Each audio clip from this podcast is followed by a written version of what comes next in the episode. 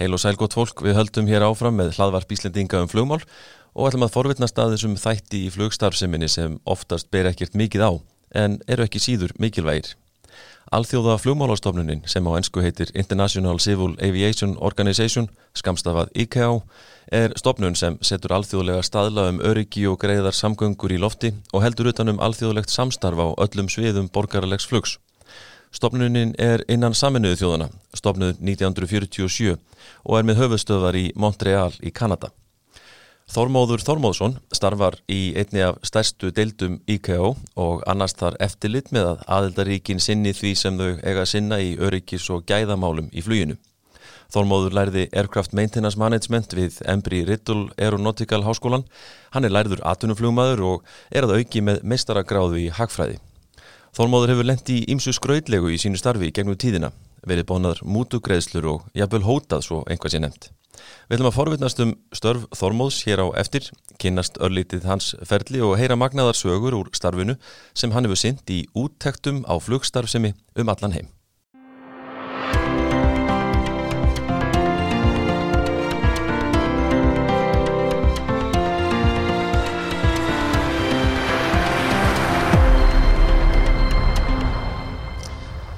Já, hann er komin til okkar í flugvarpið Þormóður Þormóðsson, verður velkomin í þáttin Takk fyrir það, mín ánæg að vera hér.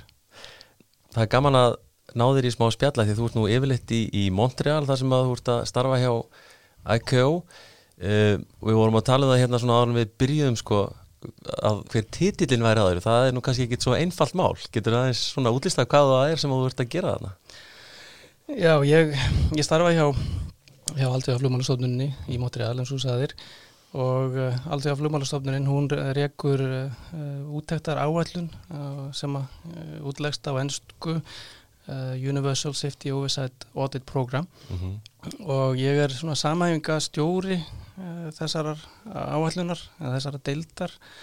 Og mitt starfi er að svona í síðan dagleganar ekstur ég er svona dreifi til starfsmannana uh, verkefnum og, og síðan er ég uh, með mínum kollegum og, og, og stjórnendum að ákveða hvaða ríki verða fyrir barðinu, nei nei við erum ekki fyrir barðinu á okkur. Þetta er nú, þetta er nú alltaf mann gert í sátarsamliti en hvaða lönda eru sem verða, verða út, já, já tekin í úttekt. Já verða tekin í úttekt. Já, já, já. Og ég, þetta er, ég, ég ætlaði nú að mitt að byrja á því að afsaka það að ég er náttúrulega búin að búa þetta núti síðan 2005 og hérna vinn og hugsa og dreymi á einsku þannig að stundum svona veist mér aðeins tungum tönn og, Já, erfitt að kúpla sér í íslenskunum Já, það er, ég, ég, ég tala nú ekki ennþá með amerískum hreim en, en allavega ég, ég vona ég móki ekki neitt og sérstaklega ekki skóla Brynjól eh, kollega minn sem að fyrirhandi á flugmálastöð sem að var nú gaf út hérna flugvarasatnið Já, mikil íslensku maður. Mikil íslensku maður og skúli hún líka sem ég vann með hjá Ramsson flugslesa mm -hmm.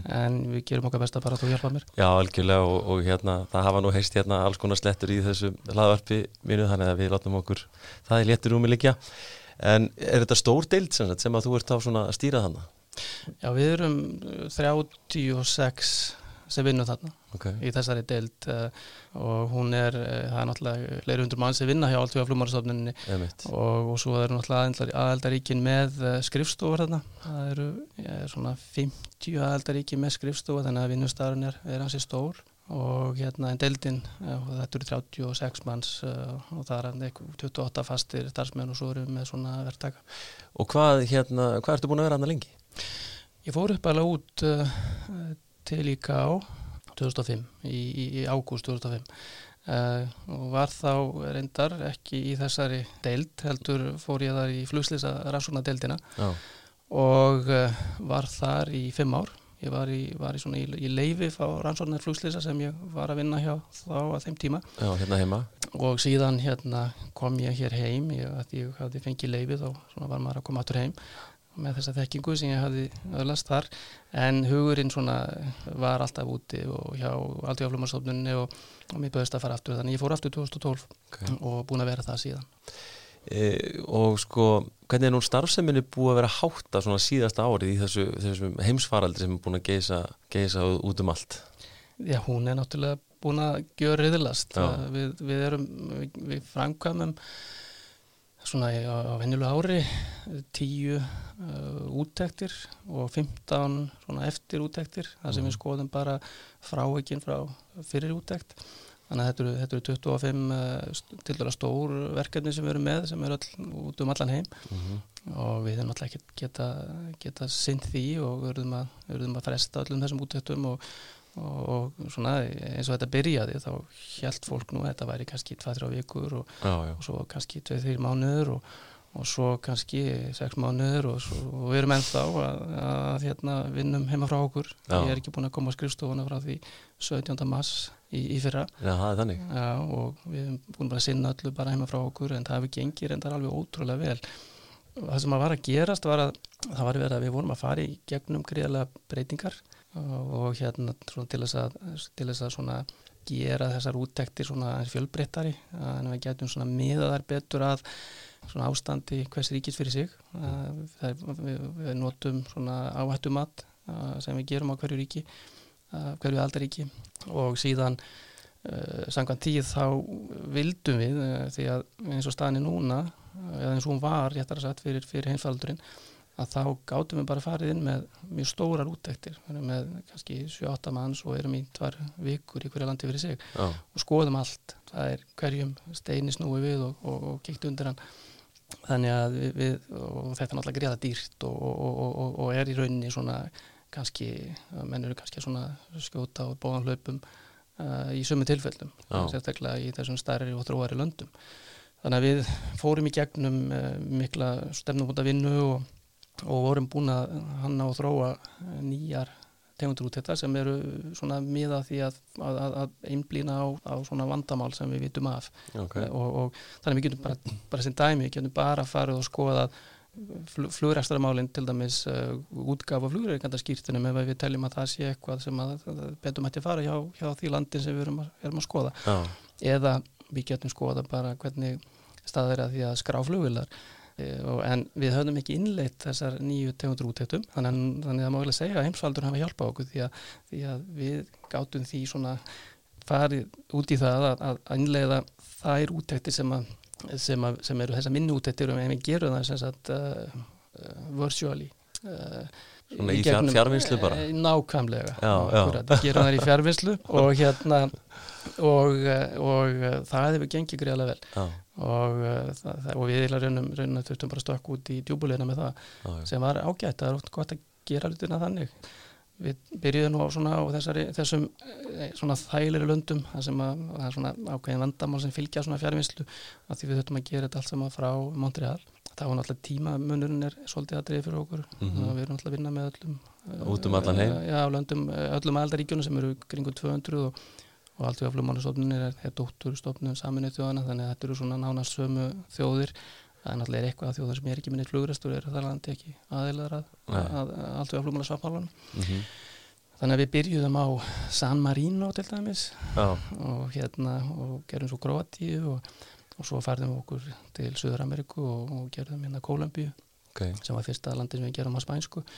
Og, og svo Ísland. Og við vorum með útækt á Íslandi Í fyrra? Eh, Nei, Nei, nei. bara fyrir tveim viku síðan. Já, já, og hérna, og það, hún gekk alveg svakalega vel og ég kom náttúrulega ekki nála því því að ég er íslendingur þannig að ég svona bara setti það allt upp og, og svo leti mig bara hverfa. Og vildi það reynda bara þannig til að ég var á Íslandi en ég, hérna, ég náttúrulega var ekki, tók ekki tátt í því. Nei, en ég veit bara frá minnum kollegum að það gekk mjög vel og samstarfi við, við samgöngstofu og, og ég held að það við meira þess að verið, verið heimsótt Æslandir voru meira þess að heimsóttir held ég hérna, í fjárvinnslu sem við hefum aldrei gert áður og það gekk bara allt alveg eins og í sögu hjá okkur. Það við vorum mjög ána með, með, með það að, að hvað þetta verið allt gengið vel og fengum bara jákvæðið viðbröðu þessu. Þannig að þetta hefur sko eins og maður hefur heyrt svo marga tala um sko að tæknin er búin að vera þarna og þetta hefur kannski verið hægt að gera alls konar hluti mitt í fjárveislu til þessa en, en ástandið og, og, og hérna faraldurinn hann hefur svona í, eins og segir ítt mönnum svolítið úti að, að framkama. Það, það er alveg rétt og, og, og alltaf flugmálastofnun er náttúrulega er náttúrulega bara ég, það er náttúrulega engin frá henni hér þannig ég get sagt Já, það sem ég ætla að segja, þetta er náttúrulega bara risaðilega sko og frábært að vinna þarna og frábært stofnun og, og, og en það, það er allt, það, það gengur allt mjög hægt fyrir sig. já, Þegar ég byrjaði 2005 þá voru þið nýbyrjar að nota tölvupóst Já. og hérna það var allt bara gert í voru þetta word perfect uh, hérna, og voru, voru bara senda bref sko, það var rítfjallar og, og ég hérna var hérna yfir einum svona vinnuhóp og þetta var samskipti við það sem ég hún voru og þegar þeir sem er að fara að skrifa bref á, rí- á rítfjöl ég sagði bara nei, ég glemti því sko ég bara, bara nátt tölvupúst það, tók svolítið tíma að, að koma mönnum på það, nú er allt náttúrulega með tölvupústi Þannig að- það var mikil anstaða gegn því þangað til að, að heimsfaldurinn er skalla og að, að, einu sinni að reyna þessar aðferðir Já. og, og þannig að þetta núna er allir búin að sjá hvað þetta er Hvað hægt er að gera? Já, og þetta er bara svo mitt og hérna það er raunin hægt að gera allt í fjárvinnslu það það er svona við náttúrulega Kannski ekki alveg allt samt, er það?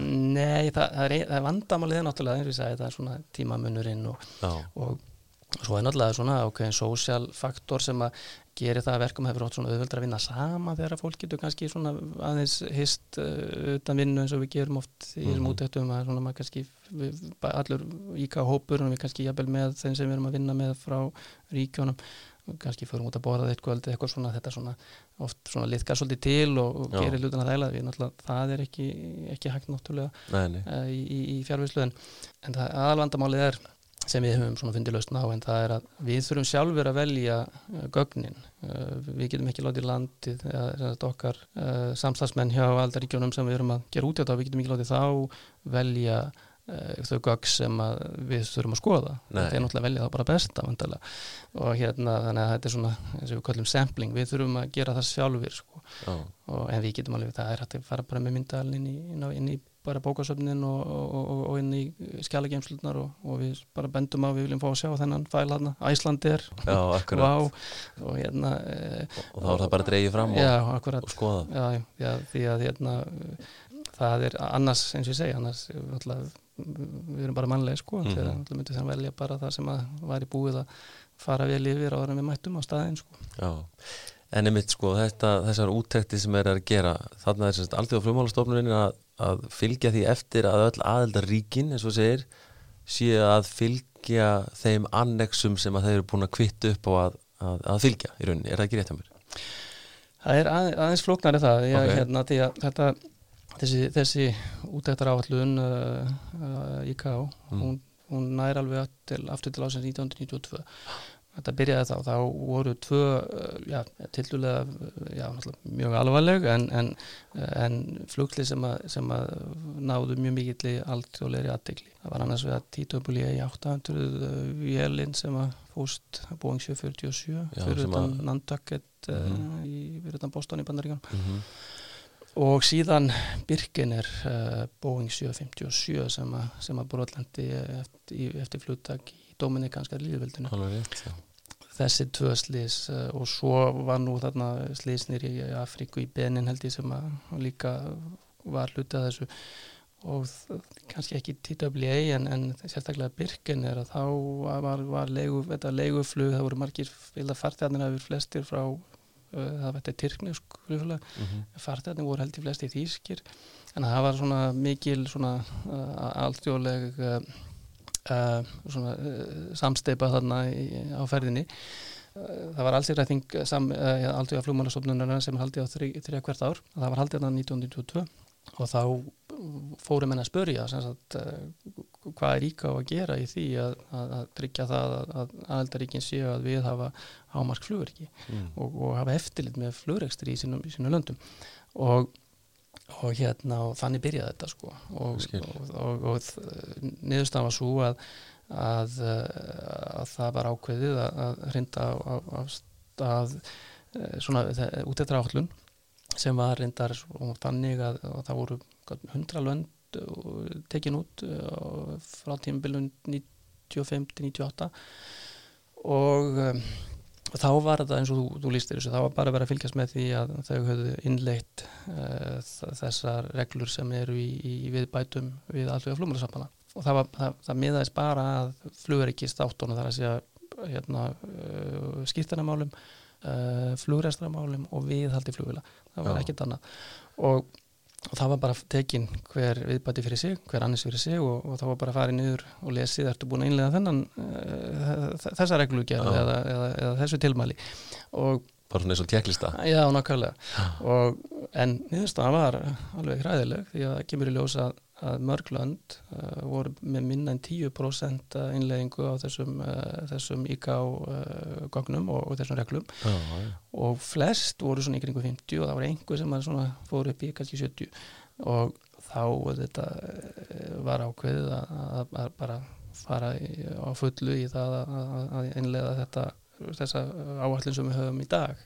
Ok, og það byrjaði svona kringu 2000 og, og þá var bætt við reyndar hérna uh, flugumverðarþjónustu þættinum uh, flugvalla þættinum og rannsóknum flugslýsa en þessar útættir ganga ekki lengur út af, út af það að uh, úrskurinn það hvort að löndin hafi innleitt þessar reglur. Nei. Það gengur út af það að hérna, eh, gera út af því hvernig löndin er að standa þessi í því að hafa eftirlit með, með flugreistir í svona landi og hvort að þau hafi innleitt eh, og nú þarf ég að, að sletta. Og við kallum comprehensive uh, uh, system bara al, alhæft uh, kerfi mhm.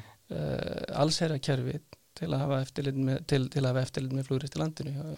Og, og við svona við, við skiptum þessu niður í átta um, þætti fyrstu fimm eru, eru eitthvað sem löndin þar innlega, það eru, það eru lög, það eru reglur það eru það þarf að vera flugmálastjórn eða vonarskan flugslýsa, það þarf að vera flugmálastjóri, það þarf að vera formaður nefndarinnar, það þarf að vera starfsfólk það þarf að vera þjálfað, það þarf að vera hérna, eh, það þarf að vera þjálfun áallanir, það þarf að vera endur þjálfun og síðan uh, þarf að vera, vera hérna, verkferðlar og tjekklistar og, og eins og hjá, hjá þeim sem er að fljúa flugulum, það er standard operating procedures, það þarf að vera, vera slikt í staðar hjá þessum Já. stopnunum og þetta er það sem að löndi þannig innlega svo, eða setja á laginnar síðan náttúrulega þegar við erum búin að því þá, þá þurfum við að líka vera með uh, þau þarf að gefa út skýrtinni, flugskýrtinni sem byggja náttúrulega á þessum reglum þessum eru, eh, þessi starfsmenn frangama að gefa út þessi skýrt- skýrtinni og sangat reglunum og lögunum og sangat þjálfum sem þeir hafa og, og fylgja náttúrulega þessum verkferðlum og, og fara eftir þessum tjekklistum og þegar búið er ekki út skýrtinni það skýrtinni til flugmanna flugumfyrastjóra skýrtinni til flugreganda Mhm. við alls fyrirtækja að þá þarf að fylgjast með, það þarf að hafa eftirlit Já. það þarf að, hérna, það þarf að gera útættir og, og, og það, það, er, það er svona þetta sem við kallum sjöunda critical element eins og við kallum þetta mm. á einsku og uh, það þarf að vera einhver útæktar áallinni sem sagt hjá flugmálastjórnunum og þær þurfa að fylgjast, fara, fara og gera útæktur og fylgjast með. Og svo hérna þurfa, svo, svo þurfa að loka sem sagt frávíkum já, og sem að koma upp. Og þetta er svona, við, við þurfum að sjá að þetta sé allt í staðar. Þannig að þetta er mjög ídalegar og, og, og, og, og náttúrulega mannfrekar hérna, útæktir. Við förum inn með hóp og það er alltaf eitt leðangustjóri og svo er, er, er, er sérfræðingur í, í, í skýrtanamálum, það er sérfræðingur í fluristarmálum, það er sérfræðingur í viðhaldsmálum flugvila, það er sérfræðingur í flugsleisrannsóknum uh, og, og, og hérna, flugumfæraþjónustu mhm uh, eftirlitslutunum og, og flugvallamálum þannig að, þannig að þetta eru miklar og, og ítalegar útæktir og náttúrulega kostnaðasamar og, og, já. og, en, en mjög áhrifaríkar. Eh, sko, árangursríka fyrir ekki. Já, já, já. Og hérna, sko, þú er búin að vera í þessu núna í já, á- áratug eða meira. Eh, hérna, þannig að ég trúi því að þú sétt nú búin að sjá ímislegt í alls konar löndum, ekki satt? Jú, jú, við erum uh, maður Mæntalega ekki ástandið eh, neitt frábært allstaðar Nei, það er, það, það er langt í land víða. Já, og, og þó að ástandið hafi lagast mjög mikið og þetta, þetta, þetta, þessi áallun eh, sem er búin að vera í gangi frá 2005 hjá okkur Mm. ja, ja, 2000, nú svona full innleið 2005 að, að, að það er nú svona það sem er gefandi í þessu starfi að maður uh, kemur í land og gerir úttekt og, og ástandið er kannski ekki svo gott svo kemur aftur eftir nokkur ára þá sér maður að það er búið að laga og, og, og betur Ok. okay. bæta og við erum með náttúrulega uh, nokkrar svona ánægilegar ánægileg dæmi. Okay. Georgia til dæmis uh, þar var ástandið mjög slæmt og fyrir um, fyrir um Sovjet hérna líðveldi. Þetta er náttúrulega, þetta var svona vakka Sovjetríkjana, Stalin er náttúrulega Já. frá Georgi og þetta var svona, þarna var vín framleyslan og græmi, græmit og ávegstir og, og þannig að Stalin hugsaði alltaf um. Georgi en, en síðan eftir eftir að hann fjall frá og svona þá fór, fór nú að dala þarna eitthvað og svo, svo náttúrulega eftir að Sovjetríkjana hrundu þá, þá var nú ástandið mjög slæmt í flestum þessum löndum og, og Georga var, var, var ekkit undan þetta skilið því mm.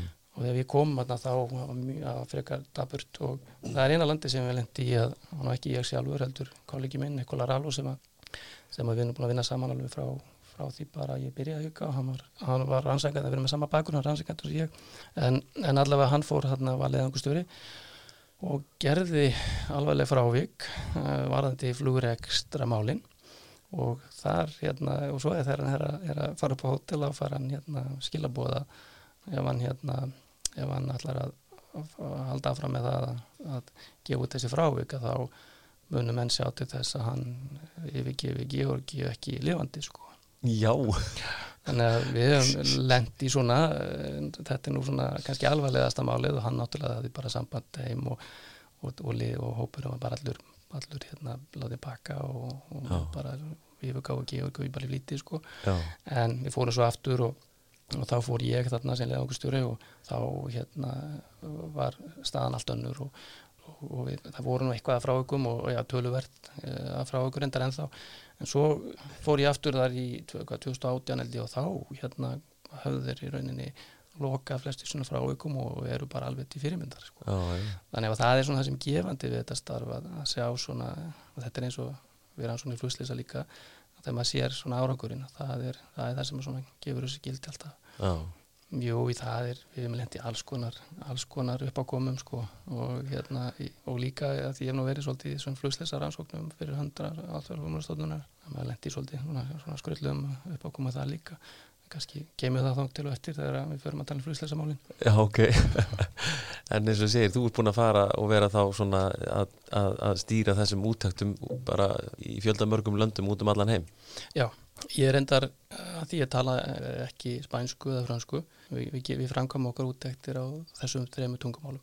Já. og ég, ég, ég tala ég tala bara ennsku af þessum, þessum þremur.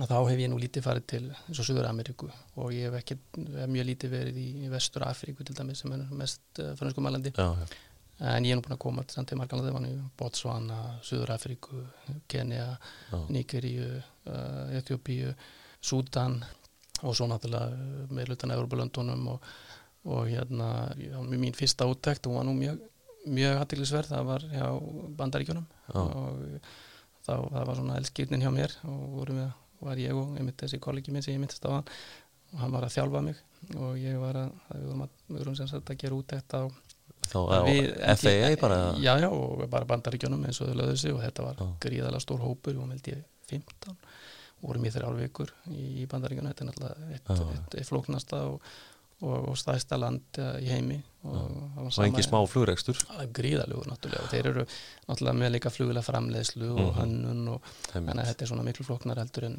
heldur en flestu öllunum lönd. Já. og svo er struktúrin hérna svolítið, svolítið sérstakur líka sko.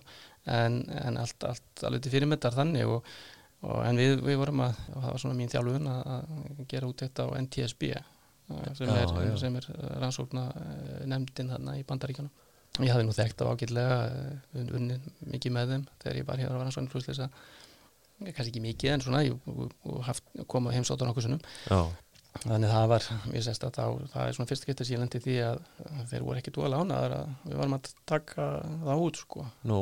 og svona lítið á mig og sagt hver, hver gefið þér réttin til að spurja með þessa spurninga veist ekki að ég er frá bandaríkjónum mm. þá þurftum við svona að fara í svona smá leikrit og, og ég og, og útskýra að, að það væri náttúrulega þeir voru aðeilara að allþjóðast flugmálarsáttmálunum og bandaríkinn hefur skrifað undir svona kallast Memorandum of Understanding undir þetta af, af hérna aðlitra að IKA og, og flugmálastöra bandaríkjana þar sem að þeir gangast að því að, að taka mótið svona útættum og hérna en við svona fórum í svona, svona, svona góða, góða löggan og vonda löggan aðeins og, og þetta svona hafðist allt á endanum en, en ég, við vissum það voru hérna nokkri sem voru bara ekki dánað með það við varum hann að, hvað erum við að fyrir Íslendingur og, og Ítali Já, að gera sér breyða við kanan. að fara að spurja þá hvernig þeir allir að rannsækja flugslis en, en svo setlaðist þetta alls saman Fengu þið svona hérna Don't you know who I am? Það var svona, svona næstu því. Já.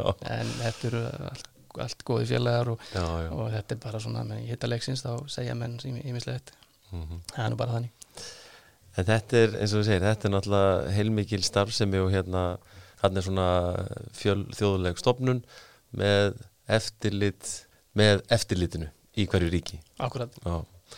Þetta er nefnilega þáttið áhugavert sko. Já, og þá er alltaf spurningi hver hefur eftirlit með eftirlitsaðalunum og svo spurning kom upp og, og, og fyrir vikið þá Já. erum við með í, í okkar deild við erum ISO 9001 uh, vottaðir sko og við erum, við erum, við erum hérna Já, þannig að þið fáið gæða úttektir á Já, ykkur líka Ég var einmitt í gæðóttir bara í dag sko Já, já, já. Einmitt, þetta, er, þetta er ákveðin hérna, hvað maður segja, ákveðin bransi út af fyrir sig. Er ekki?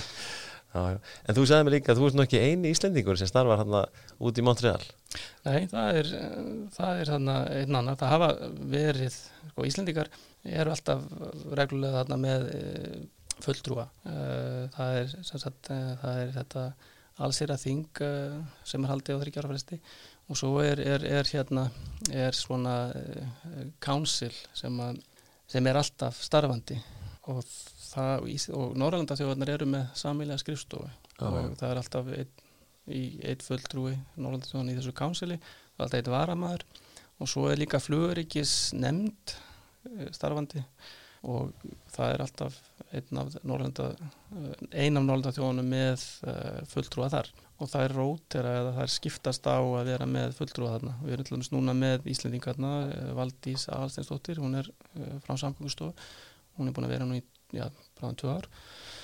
Og hún er, er þarna í þessu kánsil og, en, en, eh, og svo held ég að Íslandika fái, ég held að við séum að taka fórustu í kánsilinu fyrir nálandastöðunan á, á næsta ári sko. Já, já, en, en þetta er svona stjórnunan á, á stofnuninni og, og allt mjög pólitíst en í eh, stofnuninni sjálfri, þar er ég og, og, þar er annar Íslandikur sem heitir Loftur Gummarsson og hann er hann er, svona, hann er sérfræðingur í, í svona, ekki alveg hvernig á orða það. Hann er, sko, hann er hérna ramarsverkfræðingur að ment og starfaði lengi upp í Guðunesi og hann er svona í, í fjarskiptum og samskiptum uh, Ok. og því öllu saman og hann, hans aðal hlutverk hefur verið að halda utanum og venda í rauninni þessa tíðni sem að, sem að flugið hefur uh, sem já. þið, þið flugmenn hafið samskipta á og, og svo náttúrulega eru, eru þau með all, all hérna, þessi aðflugstæki uh, og þau eru ákveðinu tínu líka það og það er verið að sæk, það er sótt mjög stíft í þessar tínir það eru, það eru, eru takmarkaðar og það er nú aðalega hérna skemmtanabransin það er, það er svona þessi og Já, sem, sem eru, að, eru mjög nálægt þessum tínum að þeir vilja fá náttúrulega eitthvað þessum tínum því að þetta er alltaf að vera meira og meira og meira að, að, að tónlistamenn uh, þeir eru alltaf tónleika þá eru þeir með fjárstýrða mikrofóna og þannig að hann hefur svona verið að berjast fyrir því að halda þessum tínum uh, fyrir, Já, fyrir já. flugið. Þeir eru flýð Já, já, það er svona eitt af, eitt af mörgu sem hann gerir. Mitt en hann er hann er líka. Hérna, e, þú komst aðeins inn á hérna áðan e, þennan svona bakgrunn þinn hjá rannsóknarnefnd flugslýsa hérna heima. Hvernig hérna kemur það til að þú, þú ferð inn í, inn í það Það er nú lang, lang saga sko. Ok. Já, ég, það er nú bara alveg frá því ég var bara smá strákur í raunni Ég hafði alltaf gríðan áhuga fyrir flugslýsa rannsóknum Já, og las allt sem að til var um það. Og ég náttúrulega vorum ég og allir og flesti mínu félag vorum allir með flugbakterju alveg frá því vorum bara smá strákar fættir inn í flug, flug, flugfjölskyldur eins og oft er. En, en ég hafði bara hennan gríðalega áhuga fyrir flugsleisa rannsóknum þannig að þetta svona einhvern veginn þróaðist bara þannig að ég fór að enda á því ég byrjaði að vinna hjá rannsóknum flugsleisa ég læriði nú flug og, uh, og síðan fór ég í háskólanum til bandaríkjana og ég vissi það að til þess að eiga góða möguleika á að komast inn í, inn í svona uh, þennan heim að þá var gott að vera bæði með flugrestra hlutan flugið sem sagt og uh, viðhalds eða, eða verkfræði eða teknið þekkinguna mm þannig að ég svona aflaði mér hvori tekja og tókstu þá hérna aðtunuflumarspróf hérna heima eða hvað? Nei, ég, ég tók það í bandaríkjónum Þú tókst það í bandaríkjunum? Já, Já, Já, ég var sko eh, semst ég er uppalinn hérna í hérna, fólk veit náttúrulega hvað við erum. Jú, ég veit allir hlustendur okkar að við erum í turninum í Kófói akkurat, akkurat, ég er uppalinn og fættur í, Garðabænum. Já, og það var nú mikið, mikið flugfólki þar og ok. nágrannar mínu voru nú hérna ég, næsta húsi frá mig var Viktor Aðalsteinsson og sinir hans Hallgrimur heitinn Viktorsson og Já, Viktor Viktorsson og við Viktor vorum ágætis kunningjar ok. eh, gegnum, gegnum árin og svo nokkur músin frá mér bjó Jóhannes Snorrason annar uh, velþektur flugkappi Jú, jú.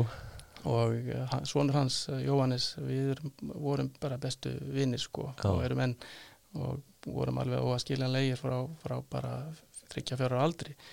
Og, og þannig að ég eh, það svona lág fyrir náttúrulega pappi hans var náttúrulega fóð með okkur mikið á flugvöll og það var að vera að fara í æfingaflug og svona og, og fæði minn var nú Þormór Hjörvar, hann var loftskettamæður og, og loftskettamæður já og, og, og hjá loftliðum byrjaði þar bara með snemma í 49 eitthvað svo leiðis ok, og var svo siglingafræðingur og svo lærði hann reynda flug og tók aðtunarsprófi og, hérna því að þetta siglingarfæðistar var svona þetta fyrir. Þannig að það er allt í hann- kringu þig hérna já, já, ég veit að hann svo, svo, svo veikist hann og hann deyr bara þegar ég er sjö ára gammal og hérna en þannig að ég svona eitti mjög miklu tíma inn á heimilin hjá Jóhannesi og Örnu og, og náttúrulega með, með, með Jóhannesi sem sagt yngri eða Bamba og við vorum nú, ég, ég var nú alltaf kallaði Mussi og hann Bambi þannig að þetta var með þessi mjög sérkennilegu gælunöfn það voru svona teknimyndafíkurna Mussi og Bambi. Já, já, og hérna við náttúrulega fórum, við vorum að bralla ímislegt og byrjuðum, vorum að fljúa allir sem hægt er að fljúa og svona í, byrjum í pappís flugulum og, og fjárstýrðum og svo, svo var náttúrulega bara ég bara að læra að fljúa alveg eins og hægt var sko.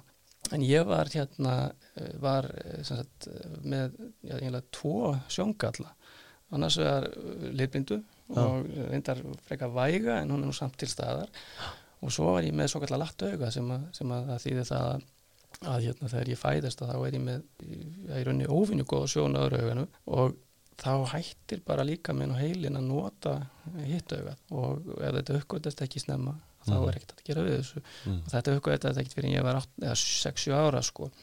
Þannig að, þannig að ég var eh, nánast blindur fram á við mm, sem sagt með á öðru auganu. Ég með Já, sjónsvið í lagi og, og dýftaskinu og það allt saman en, þe- en þetta svona allavega uh, gerði það verkum að það var aldrei í mínum huga að ég ætlaði að fara að fljúa nei, og ég veikinu það alveg að stundum þegar maður er á vinnunni og pyrraður og eitthvað gengur ekki upp og þá horfum maður þess að félaga sína og segir að ég vildi að maður bara fara í flugi sko. já, já.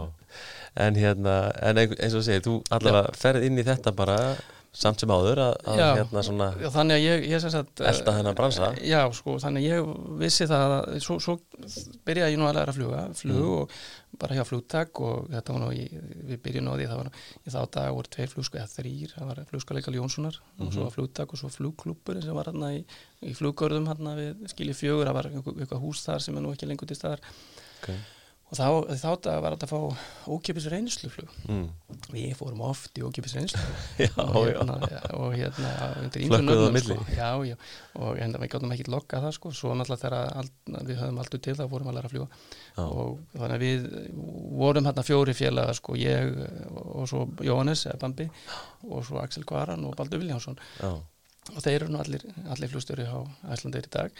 Og hérna en ég, ég held síðan bara á, eftir, eftir tútensbróð þá fór ég, fór ég til Bandaríkjana og, og í háskólan í skóla sem eh, heitir Embry Riddle. Og fór þar í svona, í svona flugtækni stjórnun en held að varum að fljúa það núti og svo hugsaði með mér, ég finnst ég að fljúa einn, ég get alveg ekki blindflugi sko. Og langaði til þess. Þannig ég, ég svona skelli mér það og ég var að, var að, var að fljúa hann að bort og svo það fer ég læknu skoðan og, og þá bara segja við að ég meina það er ekkit til fyrirstöðu að þú getur fengið hérna, fyrst ára læknu skoðan hérna í Ameríku og tekið kommersjálin og hérna, eða þess að aðrunarsprófið og ég segi nú, býtu, og þeir segja útskýra fyrir mér að þetta er bara ákveðin prósess sem ég þarf að fara í gegnum sem ég geri, ég fer í svona eitthvað skona flugpró svona með fluglækni.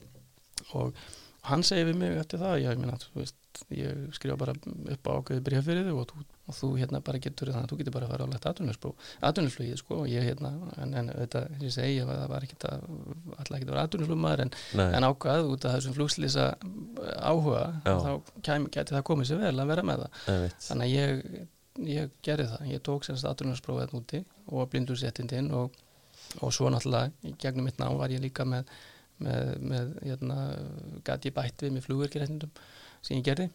Og svo kláraði ég mig bara mitt háskólanum og, og kom svo heim og fór að vinna hjá flugmálasótt Íslands. Var þar svona eftirlismæður og, og hérna í, já, í, í bæði í öllum deildunum eiginlega svona í, bara mismikið. Og þar eh, kynnist ég skúla Jóni Sigurðarsinni sem var náttúrulega guðfæðir flugsleisa rannsókna hér á Íslandi. Byrjaði ég 1964-5 og við náðum mjög vel saman alveg strax frá upphafi og Mhm. skúli kallaði mig oft til svona, til að hjálpa sér. Og, en, en á sama tíma passaði mig líka það voru nú einhver svona frekar alvarleg banasliðs og hann var núna að, að, að svona passaði mig í því. Það er náttúrulega svolítið erfitt að stökka inn í svoleiðis sko, þetta er svona, svona neikvæði hlutin og, og við, við þetta starf. En, en auðvitað hlutaði því.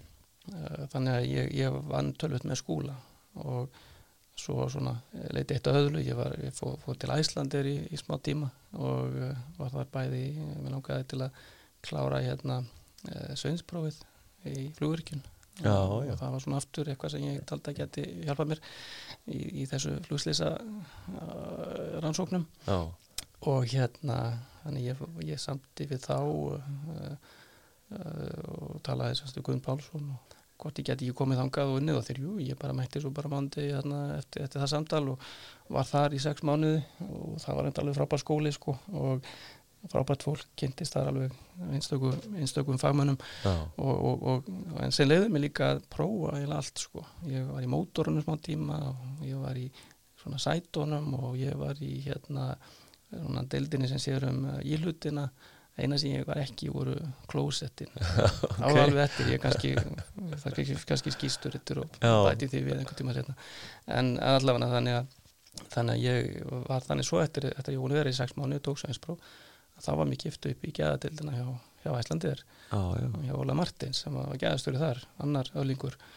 Og hérna og var þar í sex mánuði og einlega gæðakerfi sem þetta í hlaðdildina og, og sem kallast ground services uh, hjá Æslandir og um, hérna og eftir að það var búið þá uh, höfðu Íslandshúsmenn haft samband við mig og bóðið mér starf þar og já, staðan var bara þannig að ég og kona mín og við vorum nýbúin að kaupa úr hús og, eða ræðhús og við vorum að gera þau upp og ég var með ungan strák og leitist alltaf þessi akstuti keflaugu þannig að ég hérna tók þessu starfi í Íslandlu og var síðan gæðastöri þar já, já. Og svo einn daginn þá bankar skúli upp á hjá mér og segir mér að hann sé að hætta og hann svona telja að ég ætti bara að sækja um ég hefði góða möguleika. Já.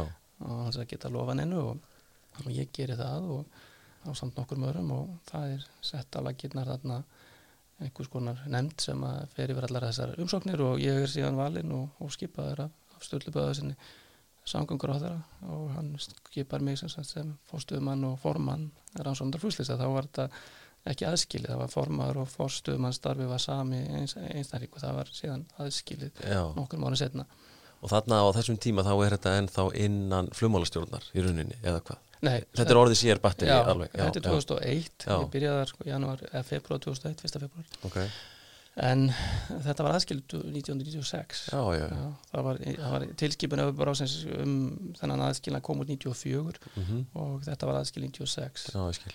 og þá flutti nefndin og upp í hjá, já skóvalíðina, nei flugvallavegin við, við þarna í hús flugbökunum settarna sem hún er ennþá sko.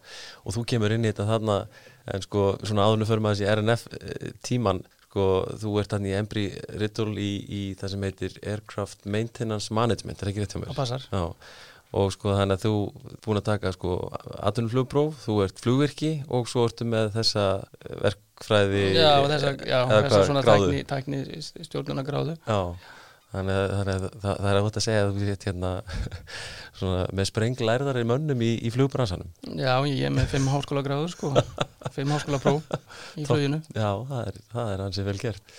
En já, ok, og aftur svo að þessu RNF tíma sem að þú kemur hérna inn og það er nú ekki auðveld viðfangsefni sem taka við þig þarna e, því að ég man að árið, er ekki árið 2000 sem að verður mjög e, ljótt slis í skerjafyrðinum Jú, það passar.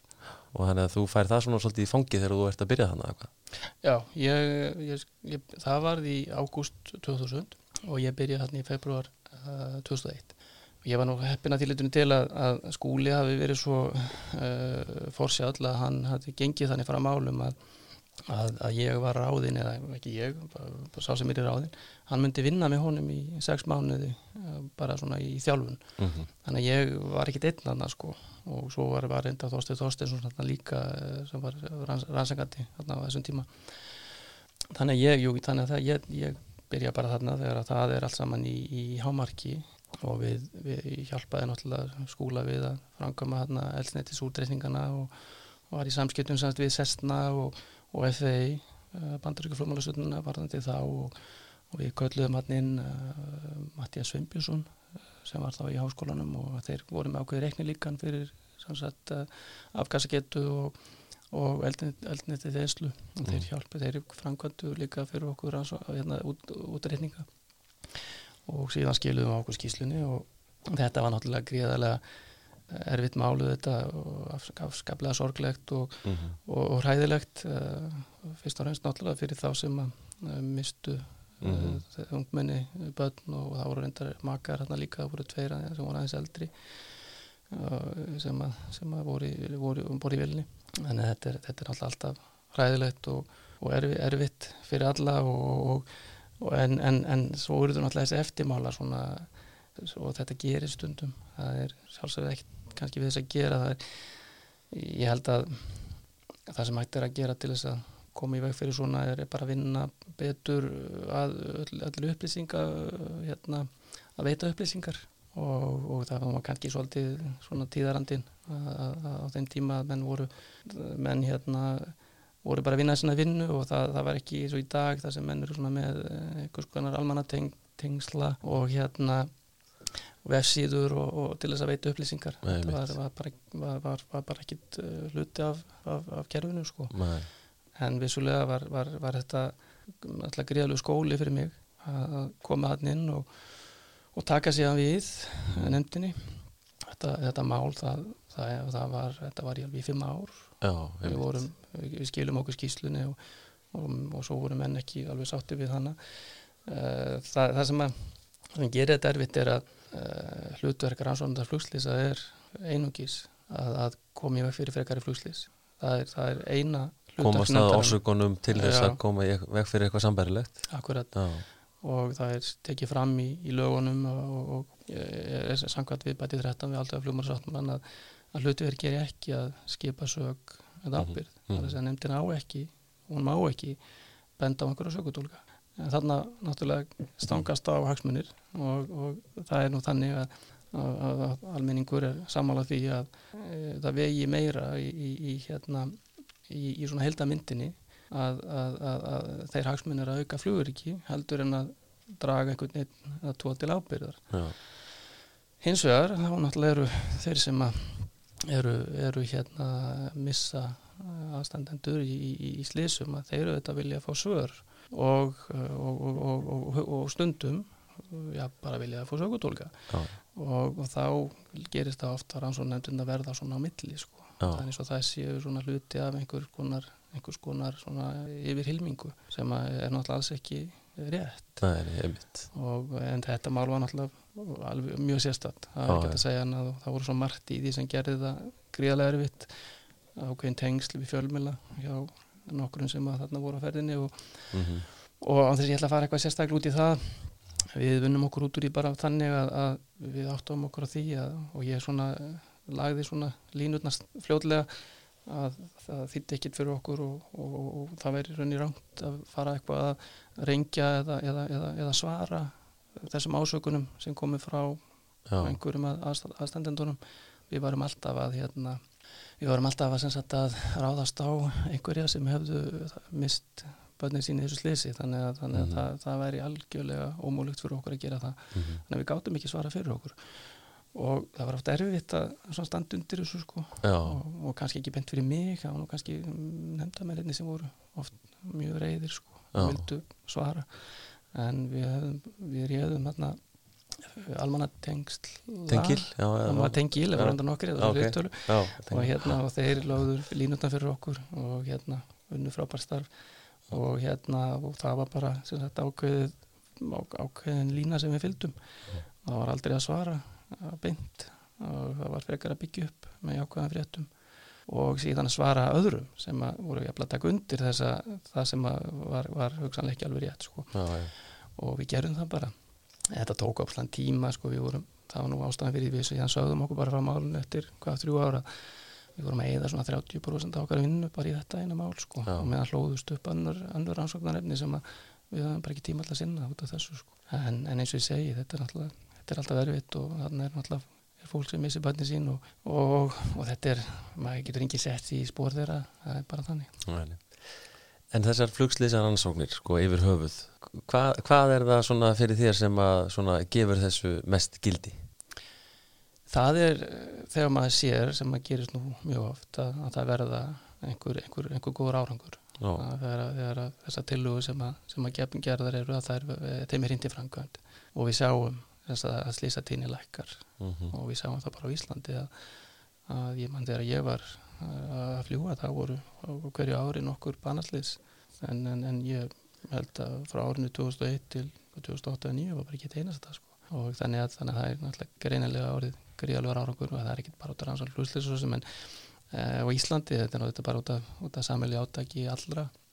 En e, rannsókn nefndin eiga vissulega þátt í því. Og það er svona kannski það, það sem er mest gefandi við þetta og það er náttúrulega stóri parturinn í því að það sé hægt að rannsaka þetta með þessum hætti sem það er gert sko, einmitt ekki með Akkurat. það að finna sögutólkin heldur hvað Já. veldur slísinu og þannig að megi komið veg fyrir önnur samverli Akkurat, og það er þessi, þetta, þetta samkómulag eða samkómulag að kalla sem er á, er á milli rannsóknendana og, og er, er skýrt í lögunum að, að þau gögn sem að nefndin afla sér uh, og, og suma þeim gögnum sem eru til staðar flugrita gögnin til dæmis að þau má einungis nota til rannsókn flugslýsa af því að þau eru, eru bara til í þeim tilgangi að rannsaka flugslýs og ef það væri ekki fyrir það þá væri þau ekki til. Og þá getum við ekki rannsaka flugslýs og það er nú bara þannig og þess vegna er svo mikilvægt að, að venda þessi gögn. Áttu, kemur þér eitthvað í hug svona einhver ákveðin tilvík eða eitthvað svona sem að þú mannst eftir sem þú getur delt með okkur sko það sem að uh, rannsóknu okkur ákveðinu atvikið eða slisi og, og út úr því kemur einhver niðurstaða tillögur í öryggisátt uh, eins og það eru kallað sem að síðan við sjáum síðan í dag að er búið í framkvæmt Já, það er eh, náttúrulega þessa tilögu sem við gerðum í, í hérna, slísinu þegar að geti fórst gera fyrir Já, það þeim var öllum, eða flest öllum hrindi framkvæmt og já, ég til að það hafi verið til gríðarlega, gríðarlega hagspóta fyrir, fluguriki og hérna það er svona kannski sem kemur eh, Já. fyrst upp í hugan en, en, en og það voru alveg nokkrar tillögur. Já, já, það er komið strax fram og við, við, við það, það voru aðalega bara að Íslendingar höfðu ekki innleitt uh, ákveðna reglur sem að hefðu átt að vera búið innleiða mínum að en, en þetta er þetta alltaf ákvörðun sem að einhverju aðrir en ég og þú Já, akkurat. já.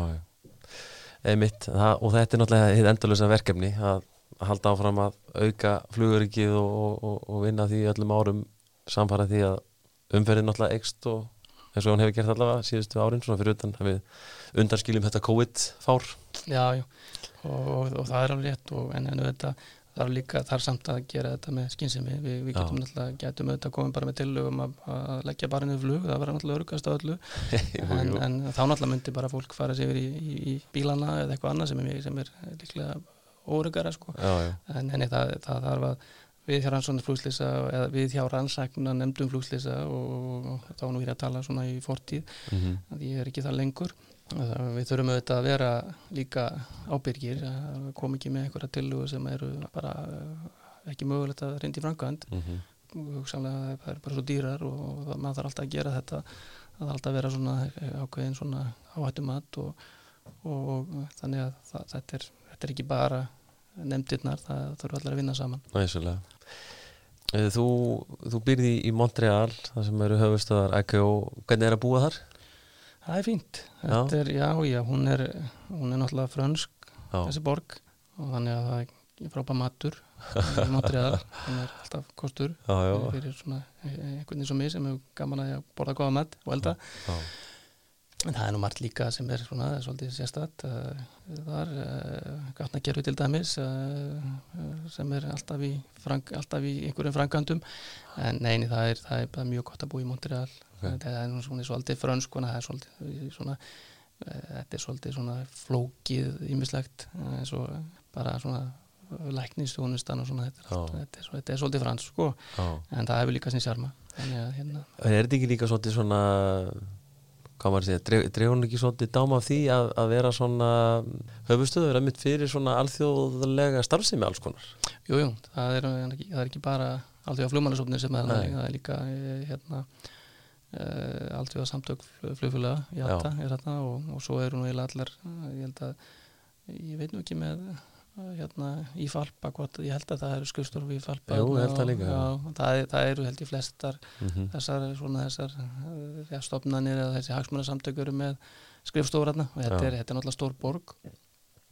Þó hún sé ekki eins, eins uh, og hafi ekki þróast kannski eins mikið og Toronto gerði út af þessar, þessu frönsku áhrifum hérna en, en það, jú, það er, þetta er náttúrulega mjög fjölþjóðlegt það er fólk alls þar í heiminum og Mhm. mikið af náttúrulega innflytjutum sem, sem að mér finnst alveg frábært því að maður kynnist svo mörgum menningar heimum þarna og, og ólíku fólki og, og einhvern veginn lifa allir hann í sátt og samlindi það er mjög lág glæpatíðni þarna og bara gott að, gott að búa þarna en, en ég ætla nú ekki að búa þarna í lífu samt. Ég Nei. ætla nú að koma til Íslands uh, eftir einhver nokkur ár, það er nú planið rætunar eru hér Já, já, maður náttúrulega Er það vini. Já, já, maður allar þess að vini ég og líka tvo stráka hérna sem að uh, tók í mann Já, og hérna, þannig að, að það er svona að, að vera nú á endanum að kemur heim já Þannig er það ekki þannig sko, nú, nú, nú sér maður sko oft í blöðunum að það er verið að auglýsa sko það sem heitir störf án staðsetningar er,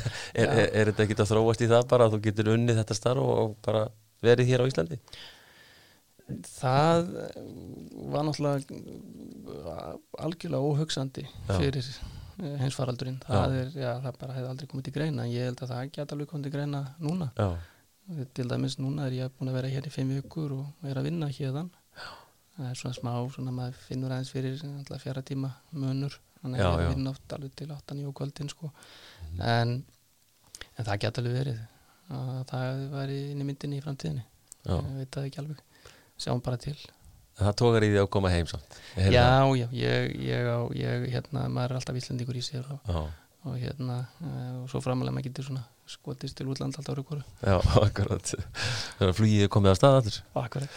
En að heyrði þér um daginn þá, þá varstu uh, glaðbeittur og gátur að nýkomur úr, úr, úr flugtúr Ertu að fljúa svolítið hérna heima þegar þú ert hér?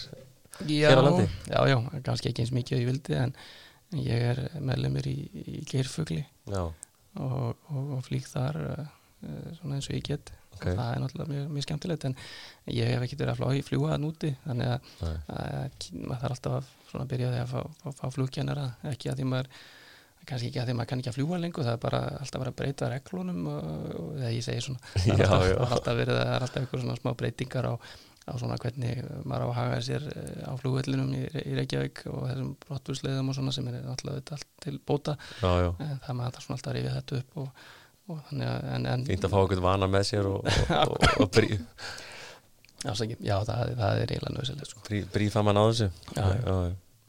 Svona áður en við förum að slá botnin í þetta áttu við einhverjar fleiri eh, svona góða skemmti, skemmti sögur frá ækju og starfinu fyrir okkur Já, það, er- það, það eru náttúrulega nokkuð margar uppákomundar sem maður hefur lent í í þessum ferðum. Þetta er eh, náttúrulega eh, við, við erum að fara á mjög já, bara alla staði og, og ég, ég hef líka verið að eh, ekki bara í þessum úttektum, ég hef líka verið að að verið fulltrúi allt því að flugmálarstofnunar í rannsóknum á flugslýsum til dæmis núna ég var, var í þessu var, var einna fulltrúum, við vorum nokkrir í hérna þessu slýsi sem var í Íran í Teheran þegar uh, við erum frá ukrainska flugfélaginu var, var skotið niður þar.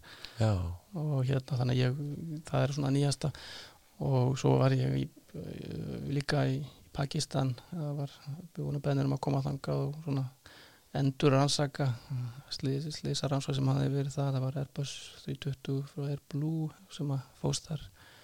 Og það, það var nú svona auðvitað bara koma á slíka staði. Það er Pakistan var á þeim tíma uh, mjög frekar óöröld land. Við máttum eiginlega ekki fara þáka það er saminuð þjóðarnar eru með sérstaklega deild sem að uh, tekur út öll þessi lönd og, já, og hérna við fengum svona sérstaklega undan þá til að fara og það, það er svolítið skrítið að vera náttúrulega í, í, þarna, í, í Karachi og, og í, í, í hérna Pakistan og, og það, hvar sem að kemur þá þarf að það eru hundar að þefa bílunum og það eru speklar undir og hótelið er með hérna, allt brinnvarið og menn vopnaði sko. En, en, en skrítnast upp á koman sem ég lendi var í Sútan og það var reyndar svona eftir á að higgja mjög vanhugsað allt saman, Okay. kannski ekki að mér kannski einhverju leiti að bara hafa látið draga mig út í, út í þá vitleysu. En þannig var að það var uh, þyrla frá hérna, jötna, saminu til honum sem var að flytja matvæli þarna til Darfur í Sútan og það var náttúrulega bara stríð þarna sko. Já. og þar voru gríðalega stórar flottamannabúðir og 200.000 manns sem satt í þessum flottamannabúðum og þyrlan var að, var að koma þarna og, og hún sem satt brotlendir og það farast allir um borð. Þetta var svona 1008 rúsnesk fyrla okay. stór, stór sko. og það var svo mikið, mikið spenn, spenna þarna á milli og hann vindar loða nú allt í, í spennu þarna núna sko, en, en það var nú ákveðis ástand þarna í nokkur ári en á þessum tíma þegar ég var þarna þá var, var, var bara strísástand og, og það var svona einræðisherrað sem, að, sem vildi bara losna við saminu tjóðunar og þessa flóttamannabúðir og, og hérna þannig hann og þeir þarna, herrin, hér heldur því fram að einhver úr flóttamannabúðunum hefði skotið niður þessa þyrlu. Já, og ætlaði að nota það sem átillu til þess að bara reynsa út þarna allt þetta, allt þetta fólk, þetta var náttúrulega frá þetta var uh, búið að vera þarna ástand sko milli söður og, og sútan og, og, og sútan og þetta náttúrulega stýrt allt um olíu og peninga. Já. og hérna nema hvað að, að samariðuna vildi ekki viðkynna það og, voru á því að þetta hefði nú ekki, hún hefði nú bara brotlend eða bara lent að eitthvað komið fyrir eitthvað, eitthvað gefið sig í þyrlunni og hún hefði brotlend þarna.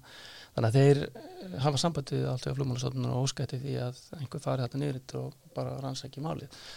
Og þá náttúrulega veljaði mig. Já. ég langi yngstur hérna og, og, og hérna og ég var nú ekkert mér reyndur á þessum tíma þetta var, þetta í svona 2008 og ég er sendur hérna niður og ég, ég held það nú og hérna fer hérna einn yfirgefin og flýg hérna niður með KLM í gegnum Amsterdam og, og fór lendu, lendi þarna og, og það tekur einhverja móti mér á flugvöllunum en ég teka eftir því að það er alltaf einhverju svona hérna, bláklættir kallar svona í- að skottast í kringum mig og með veiklagleiru sko, og, og alls það sem ég fór. Svo, svo var ég nú bara að einhverju, einhverju hóteli og, og hafði nú aðsettur hérna bara á, á hjá saminuð þjóðunum og fór síðan á, á, á hérna á, á, var svo að fundan í hernum og þeir saði mér það að þetta hefði bara verið skotin í þessi vél og þetta þýtti ekki að ég geti bara farið heim. Og þetta væri bara borlegjandi dæmi og síndi mér eitthvað flaki sem þau hefðu komið með og, og ég var nokkið alveg á því en var nokkið að segja það. Og hérna að það er að segja hann að verið skotin niður. Já, og hérna og svo, svo leita hann á mig og bætti við og ég ætla bara að láta að vita að þú ert bara upp á mínan mann á það miskun hérna sko þannig að þú skal bara hafa það hægan kallið minn. Já, og allir voruð með svona speikla sólgleru sko, tóku það aldrei niður. Og ég, maður, ég verið að vikina það maður var hann alveg skítrættur sko. Já, að ég, hann hlá það að vera, vera bara einn þarna sko. Einmitt. Þannig ég þurfti að fara hann á vettvang og, og, og rannsaka og var nú lítið eftir það er nú, þannig í þessum heimsluta að það, það er nú hverfu nú bara flakið eh, á svona fjórum-fimm tímum sko. Já, kom allir og heyrði allt bara og, akkurat, já, en það var eitthvað e- e- tölvöld eftir, eitthvað eftir sem þeir náða, náða að bjarga og svo voru fullt af ljósmyndum. Og ég svona skoðaði þetta allt saman og, það var alveg greinlegt á, öllu að vélina hafði ekki verið skotið niður sko. það hafði hafði eitthvað verið innan frá sem hafði gefið sig og, og, og, og, all, all, all brot voru sko út úr vélina en ekki inn í hana sko. já, og þannig ég, ég jáka að vera ekkert að segja það ég uh, vildi komast lifandi frá einmitt. Þannig ég svona maður bara með svona póker andlit og, og, og svona og svo var mér búið í svona einhverja móttöku og, og þetta var að ég kláraði þetta á einhverju viku sko. Og hérna þá var nú svona að fara að leta sprúna mönnum en þá hérna gáðið mér svona skilnaði vildu gera vel um mig gáðið mér svona líkan af, af seglskipi sem var svona ábyggilega svona eh, 60 cm langt og, og með seglum úr fílabenni og hérna sem voru það var örgulega ja, svona 40 metrar þetta hátt og fílabenni er náttúrulega algjörlega bannað sko, þú veist, Já. það mátti ekki flytja það út á landu og bara tekið fastur sko. Fyrir utan að þetta tekið alla verðarskona mína. Þannig að ég hérna skildi það nú bara eftir hótelinu. Og nema svo þegar ég er að fara út úr Súdana þá alltaf átti ég flug þarna með þess að KLM um minnati og ég fer hérna með, með mínum uh, svona, var hérna bara með sérstakann bílstjóra sko og hann átti að sjá að mig. Og hann fer mig út af flugvöld og ég tek inn og síðan fer ég ætla ég að fara semst í gegnum hérna útlendingatildið, það er útlendingatildið bæði inn og út úr landinu sko. Já. og þá látaði mig hafa svona stórt A4 blað og ég átti að fylla það allt út. Og það var nú alveg heilmikið vinna sko þannig ég fylgdi það allt út uh, sómasamlega og við erum með við erum með, sagt, með vegabyrju frá saminu tjónum, svo kallar lessi passi og við ferðumst á því. En ef ég er að falla í Írans til dæmis, þá er ég ekki að nota íslenska passa minn, því þá get ég ekki verðilega bandaríkjana til dæmis, þannig að við ferðumst alltaf á þessum saminu þjóða vegabyrjum mm -hmm. og ég var að ferðast á því. Og ég fyll allt út. Og svo kem ég hérna í eitthvað búr og þá svona sé ég kannast þarna við kauða, þetta var einn af þeir sem hafa verið að elda mig sko og fylgjast með mér allan tíman hann sko. Sólglerunar gæðin Já, einn þetta með sólgleru reypan með speiklareypan og hérna og hann tekur við og tekur þetta og segir ég skil ekki hvað það skrifa, þetta er skrifað aftur? Og ég hérna, lit með á nýtt blað og ég fór aftur og, og svona gekk þetta þannig að hún er fylgðið fjögublöð og ég sá bara, ég var bara að fara sko. Og ég, hérna, og ég ætla nú ekki að vera fastur þarna. Þannig að ég lögmaðist inn í hóp uh, hérna, einhver, einhver, einhverja sem voru þarna og náði í íslenska passa minn. Fyllt út eitt eðublað og notaði íslenska vegabriði fór í annan svona hérna, bás. bás og bara flög þar í gegn sko, og bara beint út í vél. Og, já, og svo, svo sá ég að þeir voru, voru komið þarna og voru svona grensla sko, eitthvað og ég sá hann að gaur. En þeir, þeir tók ekki tjensin á því að, að, að stoppa minn eitt sko þannig að, þannig að ég hérna flög í burtu og þetta var svona ég held ég að veri svona þeirra fegnastur af öllum þeim stöðum sem ég komið á að, að fljúi í burtu þann þetta var mjög sérstatt en, en ég kom til sútanetti það og það breytist mikið ástandið þarna og þá vorum að gera útækt og, og hérna mér skildi þetta þessu nú eitthvað, eitthvað, eitthvað afturförðar í dag en, en þetta var svona kannski svona það sem maður var svona mest skjálkaður í, í vinnunni. Ég skal trúa því. já, þetta var svolítið, svolítið sérstatt Við erum fegin að hérna, komast á lott hann í burtu. Já, já, það var, það var mjög þægilegt og Og, og, og góð tilfinning. Þegar að vélinn lögur burtu. En, en annars er þetta allt saman svona, gengur þetta nú allt vel fyrir, fyrir sig. Það er, það er svona við, við hýtum það til dæmis alveg að í umsum löndum að það var nú all lerað og bara, við okkur bara sagt það sko, þeir skulle bara passa ykkur. Síminn ykkar er leðra, hótel herbyggja ykkar er leðra, það er allt leðra sko. Í alveg? Já, þeir eru alltaf bara að fylgjast með hvað er í, hvað er í gangi sko. Já ég er ekki að segja það í öllu löndum en það er, það er, það er svona, það er nokkuð lönd sem við vitum alveg að þessu sko. Og það getur ekkert gert við því maður verður bara bara að geta orða sína. Það er svona samt svolítið óþægilegt að vita til þess að það sé bara undir eftir liti maður getur ekki hrótið almenna maður sefur og svo. Akkurat. Mann, sko. já, þetta er ekki alveg svona þetta er ekki alveg svona hverstags vinnan sko. Nei, þetta, þetta ekki, ekki í þessu sko. já, við svo lendum oft í að líka maður fær svona umslag undir hurðina Já. og þá er það er skonar annarkort einhver gilli bóð ef maður hérna, ef maður hérna hálfið fram í einhverjum uh, einhverju eða, eða, eða, eða bara einhverju að klaga líka sko, það er ekki tóalgengt sko. það er alltaf reynd bara eins og þetta er lutabakkanum það er alltaf búið að þjálfa okkur í þessu öllu saman. Já, ég skal trúa því. En já, þetta er búið að vera mjög hérna áhugavert að spjalla við takk fyrir að hérna koma og segja okkur frá þessum upplifunum öllum í, í þínu starfi? Já, takk fyrir það, það er bara mín áhengna ánæg og um, látum bara staða numið hér og um, flugvarp ekki lengra í bili og þanga til næst. Góða stundir